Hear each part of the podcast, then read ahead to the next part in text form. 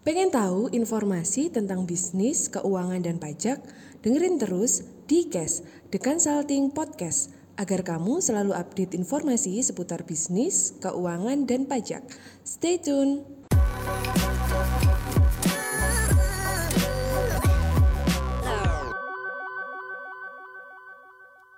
Jumpa lagi dengan kami di Consulting Nah, dan malam ini kita akan join dengan Coach Yudi Chandra Bapak Ibu. Coba saya akan undang biar nggak kelamaan gitu ya. Selamat malam Coach. Gimana kabar Malam, Coach? malam. Kabar baik, baik. Ya, gimana, gimana? Mantap, mantap. Jadi malam ini Coach seperti yang eh, tema live kita malam ini ya membentuk mindset sukses gitu ya Coach. Jadi kita malam ini lebih banyak sharing terkait gimana sih eh, membentuk mental gitu, membentuk mindset, sorry, membentuk mindset untuk bisa kita bawa ke ke baik itu dunia bisnis kita maupun kita sebagai seorang profesional gitu ya. Dan tentunya kita sangat menunggu nih eh, insight-insight dari Coach Yudi ya, termasuk saya sendiri sebenarnya. Saya pengen ya, saya pasti percaya dapat banyak sekali insight malam ini. Baik, baik. Uh, thank you sebelumnya udah diundang, diajak. Saya juga nggak tahu kenapa saya diminta ngomongin topik mindset sukses. Padahal kalau buat saya, banyak orang di luar sana jauh lebih sukses daripada saya. Jadi so thank you. Thank you. Mantap, siap. Jadi um, karena karena saya ngerasa saya juga masih belum jadi siapa-siapa, saya akan sharing hari ini apa sih yang saya banyak pelajarin dari orang-orang sukses yang sudah saya interview di YouTube saya. Dan Mantap. dan ini buat saya sebetulnya suatu suatu pembelajaran luar biasa. Pembelajaran luar biasa karena kalau kita pengen sukses, apa sih yang kita harus lakukan? Buat saya simpel. Yang kita harus lakukan adalah kita harus kita harus bisa mencoba mengamati orang sukses itu ngapain aja, cara pola berpikirnya itu apa aja. Dan dan kemudian ya kita tiru dan kita modifikasi. Karena kalau kita lihat dari sisi fisiknya, nggak ada beda kok antara orang sukses dengan orang biasa aja. Dan Hmm. cenderung malah ya ya sama tetap aja kok dua tangan dua kaki dua mata gitu mereka nggak punya mata 10 bisa ngeliat ke mana-mana tapi pertanyaannya kenapa sih mereka bisa sukses banget ya sudah pasti karena perbedaannya ada di otaknya di mindsetnya Hmm. di pemikiran em, cara berpikirnya dan salah satu hal yang saya lihat eh, cukup nyata ya adalah orang sukses itu biasa rata-rata humble. Nggak Hmm. nyebelin. Nggak nyebelin. Nah pasti banyak nih dari anda yang mikir loh coach orang sukses nggak nyebelin? Maksudnya apa? Gitu. Ya banyak kok orang kaya yang nyebelin. Nah orang kaya iya bener banyak yang nyebelin. Pertanyaannya gini sampai berapa lama mereka bisa sukses dan kaya kalau mereka orang yang nyebelin? Kita kadang-kadang kita Hmm. nggak kita nggak berpikir bahwa eh, orang yang nyebelin itu suksesnya nggak panjang. Kenapa? Oke. Karena customer kita itu orang, customer kita itu manusia, punya hati. Tim kita punya punya hati juga. Kemudian kita punya supplier juga punya hati. Nah, pertanyaannya kalau Hmm. orang yang nyebelin, dia dia dia akan susah untuk didukung oleh orang-orang yang yang hebat. Hmm. Sebagai contoh, kalau Anda punya nilai, Anda punya value, Anda punya harga diri, dan Anda juga seseorang yang hebat, Anda mau kerja sama bos yang nyebelin apa yang enggak? Hmm. Ya, rasa enggak ya, enggak ada yang mau ya. Maksudnya, uang memang penting, tapi makan hati capek juga sih. Right, right. Benar banget, benar banget. Kecuali, Iya. kecuali, kecuali banget kalau Anda punya, Anda kepaksa nggak bisa cari kerjaan lagi. Dan Anda harus kerja dengan bos yang nyebelin itu. Jadi ya udah deh, gitu, Anda Hmm. setelan aja. Tetapi Hmm. ketika Anda bekerja pun, Anda nggak bakal bekerja sepenuh hati. Anda nggak bakal Hmm. bekerja 100%. Karena di pikiran Anda, suatu saat kalau ada offer yang lebih baik, Anda bakal cabut. Karena bos Anda Hmm. nyebelin. Gitu. So, so, so buat saya, buat saya itu yang saya dapetin banget dari Ibu Marta Tilaar. Jadi saya Oke. interview Bu, Bu Marta. Kebetulan kebetulan saya yakin Anda semua tahu ya Bu Marta ya. Ibu Marta Tilaar, pemilik Sari Ayu. Saya respect banget dengan Bu Marta, sangat-sangat respect. Karena buat dia, oh buat saya dia umurnya udah 80 tahun lebih. 84. 85 tahun. Apa yang terjadi? Um, saya diterima di rumahnya, interview. Di setelah setelah interview, saya inget banget Bu Marta ngajak saya makan bareng. Yang udah sepuh hmm. sekali loh. Udah sepuh sekali ngajak saya makan bareng di di di ruang di ruang makannya dan kemudian ditawarin malah diambilin makanannya aduh saya nggak enak banget dan juga bukan Betul. saya doang tim saya tim saya video man saya yang ketika waktu itu me, menginterview Bu Marta itu pun ditanyakan namanya dan Bu Marta inget namanya oke jadi buat saya wow Padahal usianya wow. 84 ya gimana 84 tahun dan kalau kita bicara Bu Marta aduh siapa sih gitu loh yang ya kalau hampir semua orang tahu lah siapa dia. 84 tahun, hal pertama saya sebetulnya nggak perlu, dia juga nggak perlu untuk diinterview sama saya sih. Channel saya masih kecil juga, cuma 100, like hampir 140 ribu lebih, ya kan. Baratnya kalau Bu Marta kan boleh dibilang tokoh nasional ya, tokoh nasional. nasional. Dan uh, pengalaman saya saya banyak kok di awal-awal karir saya mau interview orang yang sebetulnya kalau bicara tentang status di bawah Bu Marta jauh banget tetapi sombongnya mau apa? sombongnya mau Tapi ini saya benar-benar ketika ketika itu saya sangat impress, saya sangat impress. Sangat sangat impress dan diajak makan, tim saya dikenal namanya, ditawarin makan juga. Dan bukan hanya itu, setelah selesai makan, saya keluar dari rumahnya, kebetulan rumahnya gede banget ya, itu di, hmm. diajak keluar di ditungguin sampai mobil saya jalan dari keluar dari rumahnya. Bu Marta loh keluar. Padahal di saat itu dia didampingi oleh tiga orang lain ya. Hmm. Tim uh, dari tim dari tim dia.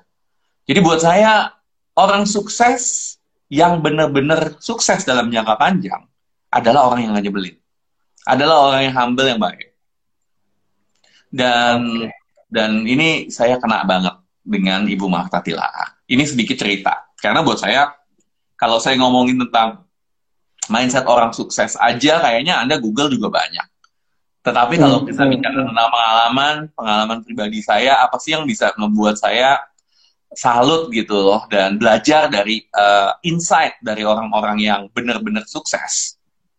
Bukan dalam tanda kutip super sukses, itu saya itu kayaknya jarang deh. Dan hanya ada di hmm. hanya ada di ini di The Consulting aja nih live IG. Oke, okay, mungkin saya sharing lagi deh, saya lanjut, nggak apa-apa. Uh, siap, siap, siap, siap, menarik. Mindset kedua orang sukses kalau buat saya adalah pembelajar. Pembelajar. Pembelajar. Dan itu saya dapetin banget dari Pak Sudamek AWS. Um, dia adalah bos Garuda Food, ya. Dia um, seseorang yang sangat super sukses. Dan walaupun saya jarang bertemu beliau, tapi saya selalu menganggap beliau sebagai mentor saya jadi hmm. uh, saya mendapat kesempatan untuk menginterview beliau selama tiga jam. Belajar tiga jam private dengan salah seorang pengusaha nasional. Buat saya itu berkah luar biasa. Tapi satu hmm. hal yang benar uh, Anda bisa nonton di YouTube saya full banget dan Anda bisa lihat kualitas dari buah pemikirannya. Itu hmm. wow itu wow banget. Bahkan banyak yang komen itu seperti ngambil satu SKS. Udah kayak kuliah ya. Itu wow banget, itu wow banget. Dan buat saya memang benar. Itu seperti kayak ngambil satu SKS. Dan um, dan satu hal yang saya ngelihat dari Pak Damek, Pak Damek itu adalah seseorang yang selalu menganggap dirinya sukses. Bukan karena pintar, tapi karena ulet. Oke. Okay. Tapi karena ulet. Oke. Okay. Nah, tetapi kalau Anda melihat di Anda melihat di video saya di channel Coach Yudi Chandra, video tentang Padamek, apa yang Anda akan lihat adalah dia itu pintar banget. Hmm. Saya personally menganggap Pak Sudamek sangat-sangat pintar. Jujur aja. Hmm. Tetapi dia selalu hmm. berbicara bahwa dia itu, oh saya nggak pintar. Saya itu sukses karena ulet. Dan dia juga cerita tentang itu di di videonya ya, di videonya. Hmm, hmm, Nah. hmm, hmm, hmm. Ya, ini hal yang menarik. Dan ini yang membedakan antara orang pembelajar dan orang kurang diajar. Jadi Orang kurang dia. Aduh. ini membedakan. Jadi gini, orang mau belajar itu sadar bahwa banyak yang dia nggak tahu dan Oke. belajar dan mau belajar. Oke. Plus biasanya kalau orang sadar bahwa dia udah tahu bahwa dia itu pembelajar, dia tahu dia lebih tahu daripada orang lain, dia itu mau sharing, mau berbagi. Oke. Ya, jadi Oke. yang membedakan kalau orang yang kurang diajar, kurang diajar ya, itu kebalikan. Kebalikan, kebalikan dengan orang mau belajar. Orang kurang, kurang diajar itu gini, nggak mau belajar, orang Nggak ngomong mau nggak belajar. Ya nggak mau belajar nggak mau ngedengerin ya dan dia Oke. merasa dia paling tahu dan Oke. seandainya dia tahu orang orang itu berbuat salah dia akan komplain mengenai orang tersebut banyak hal Mm-mm. tapi dia mau ngajarin gimana cara memberikan solusinya Oh, Oke. nah jadi dia orang yang kurang ajar Oke, oke, mantap, mantap. Pembelajar ya. Jadi Pak, eh, oh ini ada pertanyaan bagus nih. Tapi ini dulu ya, saya selesai dulu. Jadi Pak Sudamek, AWS, Garuda Food, tiga jam tiga jam bersama beliau buat saya em, banyak banget insight yang saya dapetin dari The Great Mind.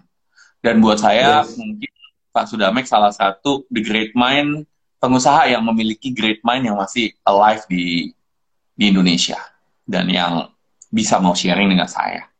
Karena beliau Anda juga tahu walaupun dalam dalam hidupnya sudah sangat sukses di dalam, dalam ekonomi, tetapi tetap mengambil mengambil gelar-gelar lainnya, bahkan mengambil S3 belakangan ini Iya. dengan Iya, iya, iya. Honoris Causa.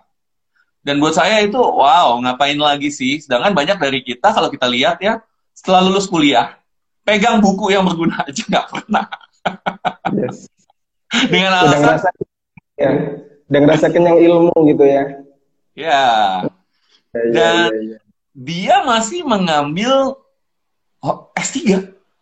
Padahal Hmm. coba, berapa banyak orang yang harus karyawan atau tim dia yang harus dia handle? Ribuan. Tetapi Yes. kita kadang Hmm. banyak kita yang saya ngelihat buka toko kecil, anak buah dua apa tiga, ngomongnya sibuk sibuk sibuk sibuk untuk belajar. Kena banget nih buat Bapak Ibu ya. Jadi jangan jangan pernah berhenti belajar. Ya, satu Jadi jadilah pembelajar, jangan jadi orang kurang diajarin. Gitu. siap. Siap. Itu uh, siap. gimana? Tadi ada pertanyaan ya, sorry ya. Semoga uh, Ini ada uh, pertanyaan ini coach dari Albani saya sambil ngopi, sambil 88. ngopi. Mm-mm. Siap, silakan coach, silakan. Ini ada Saya pertanyaan kan? Nggak nggak ngejos masalahnya. Oke, siap. Siap, siap. Yo, Ini yo, ada pertanyaan gimana? dari ini 88. Oke. Bagaimana cara konsisten di mindset kita, coach? Soalnya untuk merubah sesuatu itu mungkin susah gitu. Jadi cara konsisten di mindset seperti apa kira-kira, coach? Oke, Silakan. kalau kalau kita bilang gini, dimulai dari kata-kata Anda. Kalau Anda pengen pengen merubah mindset, em, anda, ya Anda gini, merubah sesuatu itu susah, tapi bisa nggak? Itu dulu deh, Bisa harus. Anda jawab. Jadi perbedaan antara orang sukses dan orang nggak sukses itu gini. Kalau orang sukses, orang nggak sukses biasanya bilang bisa tapi susah. Oke. Jadi eh, kalau ditanya gini, gimana ya? Em, kamu bisa nggak dapat omset dua kali lipat di tahun ini? Bisa sih pak, tapi susah. Nah, sedangkan kalau orang sukses, dia akan berkata beda. Eh, susah pak, tapi pasti bisa. Ngerasa nggak Oke. bedanya? Menarik, menarik. Beda-beda banget sih, beda banget. Ngerasa nggak bedanya? Jadi contoh gini, ketika saya bikin YouTube saya tahun lalu, ketika saya mulai di bulan Maret, itu subscriber cuma 2000. Oke. Tar- target saya 100 ribu di akhir tahun saat itu. Ya, Oke. Semua orang saya ngelihat, saya ngelihat banyak sekali saat itu ketika di awal corona, banyak orang pengen eh, lebih fokus ke digital di saat itu. Benar. Benar, Banyak benar. banget. Yang bikin YouTube banyak banget. Yang IG live Banyak banget. ya. Benar. Saya sem- saya sempat karena galau jadi ikut-ikutan. Nah, biasa orang kalau galau itu ikut-ikutan. Nah, itu salah. Oke. Itu Oke. salah. Kenapa? Karena Anda kalau Anda galau Anda ikut-ikutan, berarti Anda adalah geng galau. Nah, Geng galau. Ya. Anda cuma ikut-ikutan. Akhirnya saya sebagai coach pun ikut galau dalam arti kata ya bayangin lah. Klien saya habis hampir 100%. Karena Wow. untuk minta saya datang ke klien saya juga nggak mau. Ya dong, Hmm. ngapain gitu. Benar. Ngapain saya datang ke ketemu klien sedangkan saat itu anak saya juga lagi oh istri saya juga lagi lagi ini lagi hamil. Mm-mm. Oke. Ya. Kemudian eh, ketika saya melihat orang pada banyak live, saya ikut-ikutan live selama seminggu. Tapi pertanyaannya, Oke. em, berhasil nggak? Saya nggak ngerasa berhasil. Kenapa?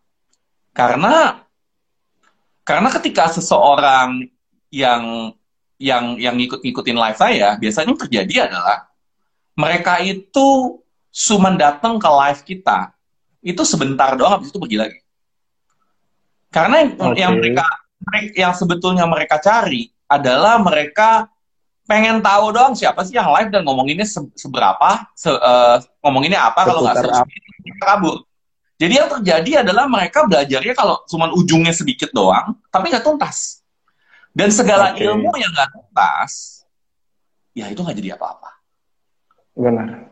Udah belajar Benar. ilmu tuh, belajar ilmu tuntas aja, kita ngambil sampai S1 sampai kelar, eh, itu aja belum tentu sukses kalau nggak dipraktekin. Dipraktekin Benar. aja, dipraktekin aja, belum tentu sukses kalau Anda nggak jadi yang terbaik. Sebagai contoh gini, berapa banyak sih orang belajar em, jadi coach? Banyak. Yang belajar dari buku banyak kak? Banyak banget. Yang belajar dari YouTube Hmm. banyak kak? Lebih banyak lagi. Sem- Semua banyak sekali. Yang lulus yang lulus sertifikasi banyak kak? Banyak. Ya. Yang sukses eh, yang jadi coach banyak kak? Banyak juga. Tapi yang benar-benar sukses jadi coach itu segelintir. Karena Mm-mm. ketika Anda mempraktekkan, ketika Anda belajar, Anda harus praktekkan. Setelah Anda praktekkan, Anda harus disiplin untuk mempraktekkan itu terus-menerus sampai Anda jago dan jadi yang terbaik di bidangnya, Anda bisa sukses. Itu bedanya. Mm-mm. Jadi, kita harus bisa konsisten. Caranya gampang. Eh, gampang disebut, jalaninnya setengah mati. Ya. Di awal-awal, segala sesuatu tuh bilang kalau memang susah, kita harus akuin itu susah. Tapi Oke. bisa. Tapi bisa. Ingat, tapi bisa. Dibalik ya berarti ya coach kan memang banyaknya itu bisa sih tapi A B C tapinya banyak banget itu belakangnya gitu ya berarti ini Hmm. secara mindset harus dibalik susah tapi bisa jadi Susah tapi bisa. bisanya oke oke oke menarik menarik Susah tapi bisa. Mungkin perbedaannya agak sedikit. Eh, tapi nggak tahu ya, coba buat Anda yang nonton, Anda bedain deh, bisa tapi susah, atau susah tapi bisa. Energinya beda. Karena Yes. terakhirnya, kita bilang itu bisa. positif yes Karena hidup, terakhirnya di positif kalau kita pikirin, kalau Anda pengen jadi sesuatu, apa sih yang nggak susah? Ngerubah kebiasaan, apa sih yang nggak susah? Namanya juga biasa. Nggak usah nggak usah susah-susah. Anda mau bangun satu jam lebih awal daripada jam jam bangun Anda pun itu susah untuk dilakukan Benar. setiap hari. Atau oh iya coach kalau lebih bangun satu jam lebih awal mungkin susah. Ya udah deh satu jam lebih bi- eh, lebih awal deh tidurnya daripada jam tidur Anda Hmm. itu juga susah. susah juga ya pasti susah benar Nah, apa yang nggak susah? Yang nggak susah adalah tetap menjadi diri kita yang seperti biasa. Itu yang nggak susah. Tapi pertanyaannya, Iya. kalau kita mau jadi orang luar biasa, ya kita harus jangan jadi orang kita, ya jangan yang jadi yang sekarang lah. Kita Mm-mm. harus naik level. Kan kita Iya. mau jadi orang luar biasa, di mana orang luar biasa itu yang kita mau, itu bukan kita. Kita harus bisa menyangkal diri kita sendiri, eh itu bukan kita loh. Kita mau jadi orang lain. Dan kita nggak mungkin bisa mencapai itu dengan kemampuan kita sekarang, dengan mindset kita sekarang. Itu yang kita Oke. harus tentuin. Jangan digampangin, bisa, bisa. Mau jadi konglomerat? Bisa. Tapi susah ya, karena banyak saingan, banyak eh, orang pinter, banyak yang ngerti, saya nggak ngerti, nggak bisa gini, nggak bisa gono. Ya, ya memang susah gitu. Tapi pertanyaannya bisa nggak? Kalau. Anda bisa, ya jalanin lah. Anda pengen keluar kebiasaan Anda, susah nggak? Susah. Mau tidur satu jam lebih cepat aja saya kadang-kadang susah. Contoh hari ini saya syuting pagi-pagi, em, kebetulan untuk ambil photoshoot untuk quote-quote saya. Karena kan kita mesti Oke. ada beberapa quote ya. Hari ini saya sempetin, udah dari dua minggu kita janjian sama fotografer. Hari ini saya eh, photoshoot. Yang terjadi adalah kalau photoshoot tuh kita harus pagi-pagi tuh. Mm-mm. Dan kemarin Iya, malam, iya, iya. saya harusnya tidur lebih awal. Yes. Kenapa? Karena dengan catatan muka itu harus fresh kalau di photoshoot. Fresh. Ya, itu pun itu pun saya baru sadarin. Ternyata kadang-kadang kalau kita bilang bangun lebih awal, itu kan rasanya males. Tidur lebih awal pun susah. Dan- iya, enggak ngefek ya. Kadang secara matematis sama harusnya ya, coach. Tidur lebih awal, sebetulnya kan secara matematis kita lebih nyantai, lebih apa? Lebih banyak. Setuju nggak? Iya, benar. Benar, Tapi benar. nggak benar. semudah itu merubah kebiasaan. Benar. Jadi benar, jangan benar. jangan, jangan cuma bilang kalau mau kita suruh bangun lebih awal, aduh saya kan masih nggak ada energi, nggak ada gini. Ya coba deh tidur lebih awal deh. Dan kemudian em, bangun pada saat yang sama gitu lebih lebih cepat satu jam. Berarti kan jamnya sama kan? Nggak gampang, Iya. nggak gampang. Enggak, enggak gampang. Benar, benar, benar, benar. Karena ngerubah habit. Iya. Jadi hal yang semudah itu pun terkadang susah. Tapi pertanyaannya, kenapa kita harus bilang bisa? Dan kenapa itu harus bisa? Nah, kita harus tahu bensinnya kenapa itu harus bisa. Kita harus ketemu why-nya. Kenapa sih Hmm. saya harus di- lebih awal? Dan alasan itu harus lebih besar daripada apa pun rintangan Anda. Kenapa sih Anda mesti bicara. Gimana? Itu goal. Itu bicara goal ya, yang terkait why-nya tadi. Eh, kita nggak usah ngomongin goal segala macem deh. Terlalu ribet. Kita ngomongin tentang apa Oke. sih yang kita mau. Terkadang Oh. kita aja nggak tahu apa yang kita mau. Gini deh, nggak usah ngomongin goal. Apa sih yang penting buat anda? Tahu nggak bos apa yang Hmm. penting buat anda? Satu kata aja, coba. Yang penting buat saya, Iya, keluarga, yakin, yakin, yakin, ya yakin coach. Oke, pertanyaan saya gini, banyak orang nyebut yang penting buat saya itu keluarga. Tapi berapa banyak pasangan meninggalkan pasangan lainnya? Tapi bukan kenapa pertanyaannya? Kenapa sih semua orang kata-kata ngomong yang penting keluarga? Tapi banyak banget pasangan ninggalin pasangan lainnya dan keluarganya. Demi pasangan lain, demi uang, Iya, iya, iya. demi apa Iya. itu. Pertanyaannya bener-bener tahu nggak sih apa yang penting buat Anda? Ketika saya tanyain kayak Hmm. gini gimana? Coba. Berubah nggak mindset Anda? Atau ada ada keraguan nggak? Banyak banget orang di luar sana yang selingkah, selingkuh, ada pelakor, padahal udah punya anak, ya kan? Ada yang ninggalin anaknya sendiri, ada yang meninggalkan demi uang, ada yang mengorbankan waktu kerja terus-menerus tapi nggak pernah ketemu keluarganya. Jadi Hmm. bener gak sih itu penting? Atau jangan-jangan dia nggak tahu, dia cuma nyebut aja karena dia ikut-ikutan. Karena dia sebetulnya bingung.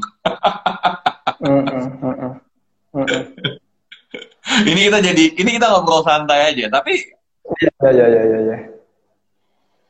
gimana? Ini Untuk kayaknya untuk tahu apa ya? Untuk tahu the real, real, real apa? Yang kita pingin nih, galinya seperti apa, Coach? Nggak usah digali. Itu yang salah. Kita nggak perlu ngegali sesuatu.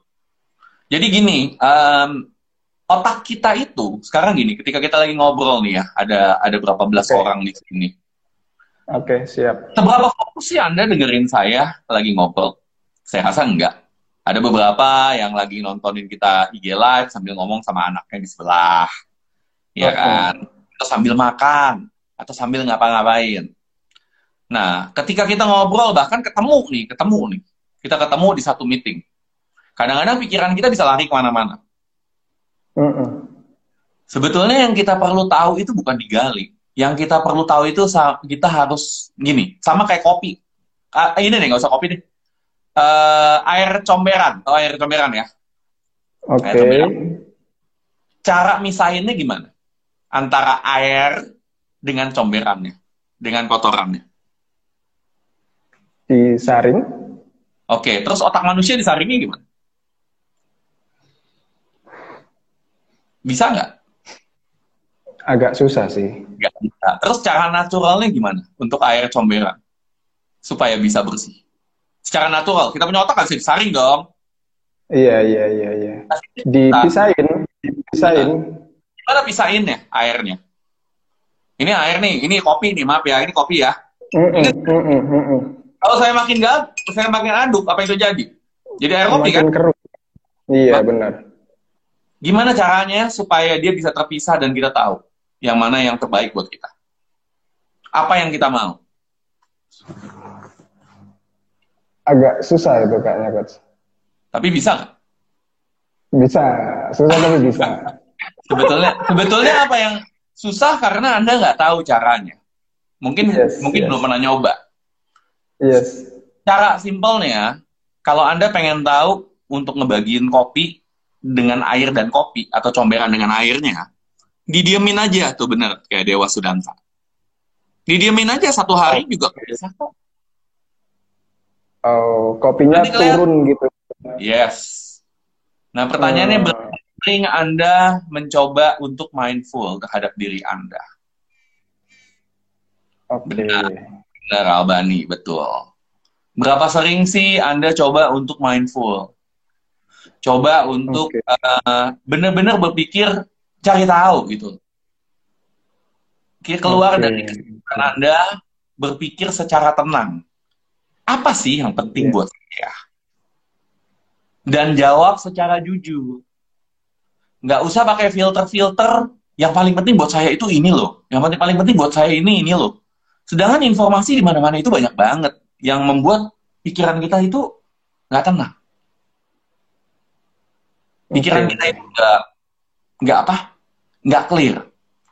Dan brilliant mind is a clear mind. Hmm. Baru setelah kita tahu apa yang penting buat kita, kita buat goal. Kalau Hmm. kita buat goal, tetapi tapi goal tersebut nggak penting buat kita, nggak bakal dijalanin lah. Berapa sering sih Hmm. yang pengen yang bikin goal pengen jadi orang kaya, pengen sukses, tapi nggak tapi nggak nggak sukses. Hmm, hmm. Karena buat dia nggak penting gitu loh. Karena buat dia kadang ah nggak penting buat saya sukses dalam hati, tapi semua orang bilang harusnya jadi pengusaha tuh. Nah, itu bener, exactly. Hmm, hmm, Exactly. hmm. Jadi, Jadi jangan asal buat, buat jangan asal buat goal, apalagi kalau goal itu adalah goal yang orang lain tentuin buat Anda. Wah, kacau. A- anak, kamu harus jadi penyanyi ya. Membanggain papa ya, harus jadi pengusaha ya. Tapi goal itu nggak penting. Yang terjadi adalah kamu harus kuliah ini ya, kuliah eh, accounting ya, atau kedua kuliah jadi kedokteran ya, karena papa mama ini dokter. Oh iya iya iya, goalnya dibuatin. Padahal itu nggak penting buat dia untuk jadi dokter. Passion dia nggak di sana, dia bahkan nggak tahu mau ngapain. Yang terjadi adalah habis kuliah, selesai, orang tuanya happy, ya setelah itu nggak tahu dia ngapain. Kadang dipakai, kebanyakan Dia belum tentu happy. ya Ya, ya. bener. Coach, tapi perlu nggak sih kita apa ya? perlu nggak peran seorang mentor gitu ya dalam dalam proses kita itu mencari apa goal itu tadi kan kan kita tenangin diri gitu ya perlu nggak kita cari second opinion kira-kira ini oke okay nggak sih goal seperti ini oke okay nggak itu per perlu nggak menurut Coach Yudi? Kalau buat saya sih kalau kita bicara mentor, sebetulnya mentor itu ada di banyak level. Okay. Mentor dari diri Anda sendiri itu adalah diri Anda sendiri dan Tuhan. Okay. Kalau buat saya, diri kita itu kita harus ngomong sama diri kita dan terkoneksi dengan Tuhan. Itu adalah mentor terbaik kita. Jadi jawabannya okay. perlu banget. Perlu banget. Oke. Okay. Jadi pertanyaannya, perlu nggak sih mentor manusia? Mm -mm. Buat saya iya dan enggak. Iya, kenapa aja. enggaknya kenapa, Coach? Ya gini, kalau Anda udah tahu banget, hubungan Anda dengan Tuhan udah baik banget, dengan alam semesta udah paham banget apa yang Anda mau lakukan, dan hal yang Anda sudah pernah lakukan, eh, yang Anda mau lakukan itu nggak pernah dilakukan oleh orang lain sebelumnya di dunia ini, untuk apa Anda butuh mentor?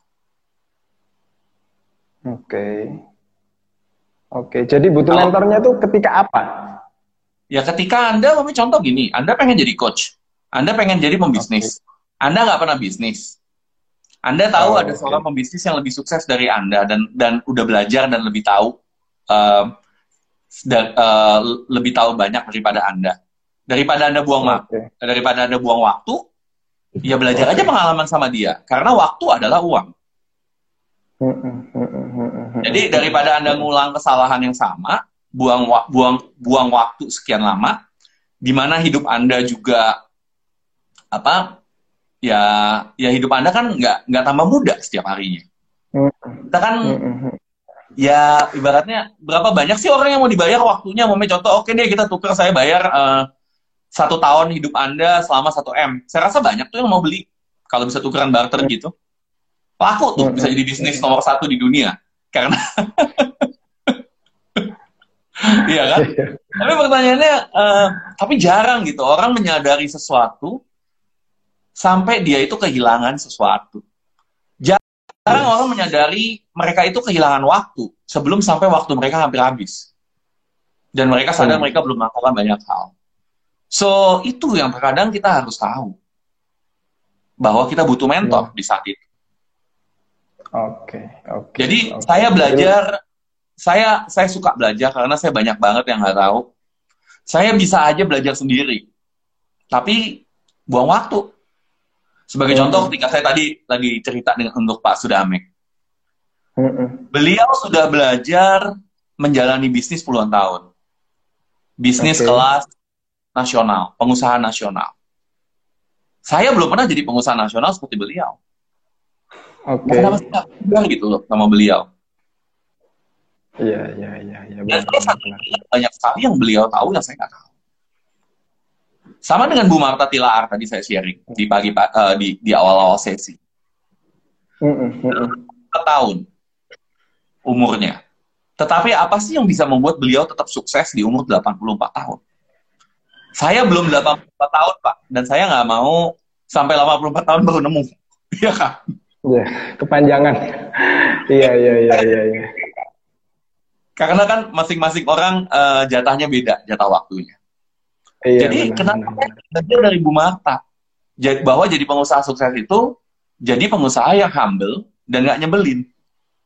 Jadi setiap kali hmm. saya interview di channel YouTube saya, saya selalu mengambil sesuatu pelajaran. Karena buat saya channel saya itu bukan buat saya, bukan buat um, gimana ya, bukan buat saya untuk menonjol, tapi itu adalah sebuah channel buat saya untuk belajar. Dan yeah. mungkin anda bisa lihat bahwa cara saya menginterview, kebanyakan saya lebih banyak diem. Karena memang saya belajar yeah. dari narasumber saya. Oke. Okay. apa sih yang bisa dan dapat belajar dari narasumber yang dahsyat luar biasa gratis, cuma modal kamera dan dieditin, buat saya itu beruntung banget. Iya kan? Coba kalau saya minta Anda bayar uh, Bu Marta untuk ngajar gitu loh. Satu jam. Iya. Oh, mahal Duit banget anak. itu pasti. Gimana? iya benar. Iya mahal iya, banget pasti itu. Benar benar Atau benar benar. benar. gitu contoh. Pak, Pak, ajarin dong tiga jam pelajaran khusus warna jadi mentor saya. Nah, aduh, dikit kali saya bayar deh pak. Ya berapa pertanyaannya gitu, ya kan? Benar, benar, benar, benar, benar, benar. Dapat kesempatan one on one. Yes. Dan bukan hanya itu loh, bukan hanya itu dan dan dikarenakan saya bisa membuat mereka bicara dan sharing, saya juga bisa membantu banyak pengusaha di luar sana untuk belajar. Jadi setidaknya Iya. secara apa yang saya tanam akan saya tuai dan saya percaya itu. Mm. Minimal saya mem- mem- melakukan sebuah kontribusi lah. Dan thank you banget, thank you banget juga buat teman-teman yang akhirnya jadi subscriber dan lain-lain. Dan ya berkat itu juga saya bisa dapat centang biru, bisa lebih subscriber. Ya mungkin karena mereka juga mendapatkan sesuatu ya. Dan saya yang paling terima kasih ya saya. Karena semakin banyak orang tahu, semakin banyak saya terberkati. Semakin banyak saya dapat Hmm. hoki lah intinya. Saya percaya tabur tuai. Maaf ya. Yes, Mungkin yes, yes, yes, Ada yang yes, terjadi atau apa, tapi ini saya hanya sharing apa yang saya rasakan aja. Siap, siap. Coach, ini ini ini ini ada ada satu pertanyaan yang menarik buat saya itu gini, Coach. Gimana sih cara kita itu bisa ngelepasin mental block, Coach? Kan kan seperti yang tadi ya. Bisa tapi sulit gitu. Jadi banyak banget gitu kita dalam apa ingin mencapai sesuatu hal mental block itu kan kadang jadi sesuatu yang mengganggu gitu ya dan itu kadang susah gitu dilepasin Tapi Tipsnya bisa seperti apa kok? Tapi bisa. Bisa, pasti bisa. Bisa. Nih, gampang. beberapa orang sulit, sulit benar-benar. Silakan, Tipsnya silakan. gini, ya. Nah, ini salah satu hal kenapa saya selalu interview orang sukses.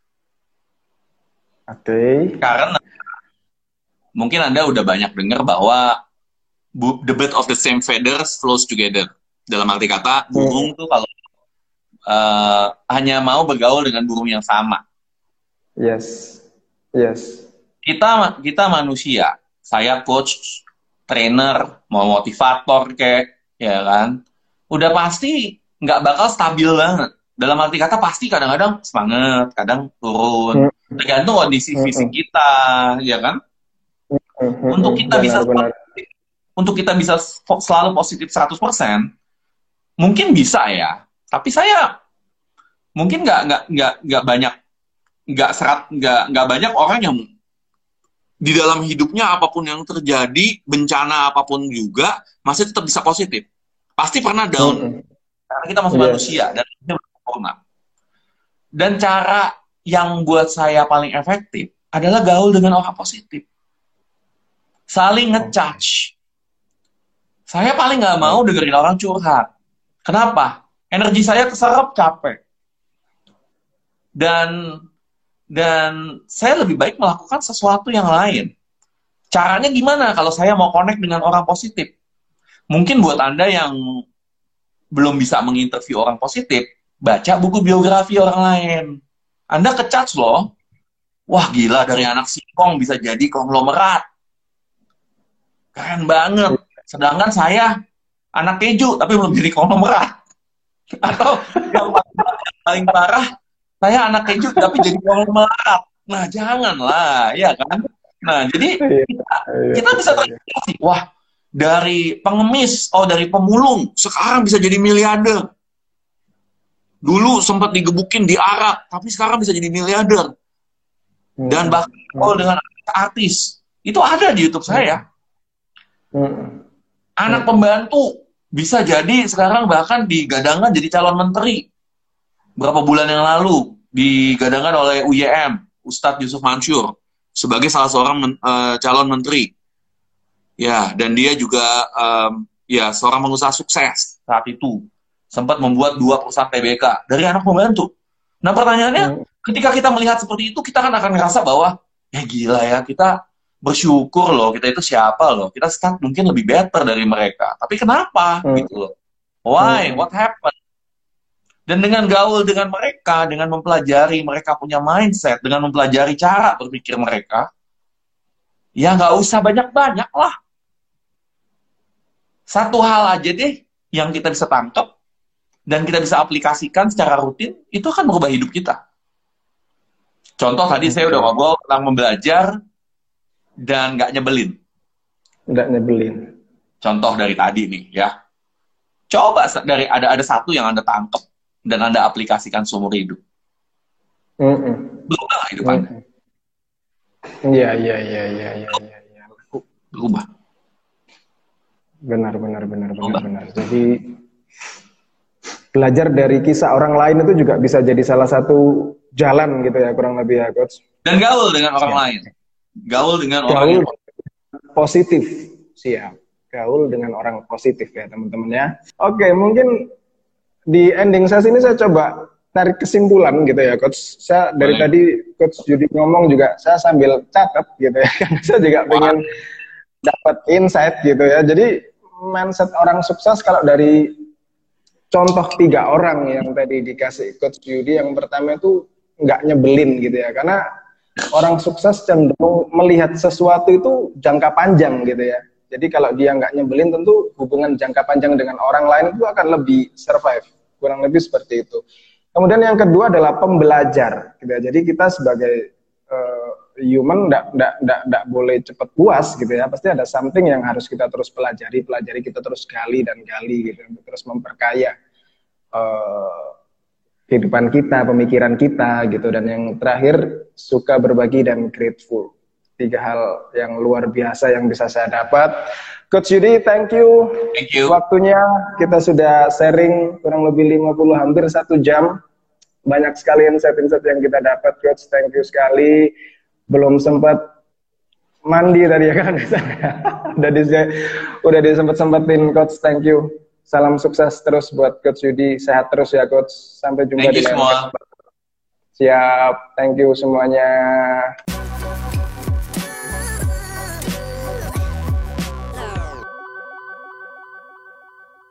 Terima kasih sudah mendengarkan Tikes. Sampai jumpa di episode berikutnya ya.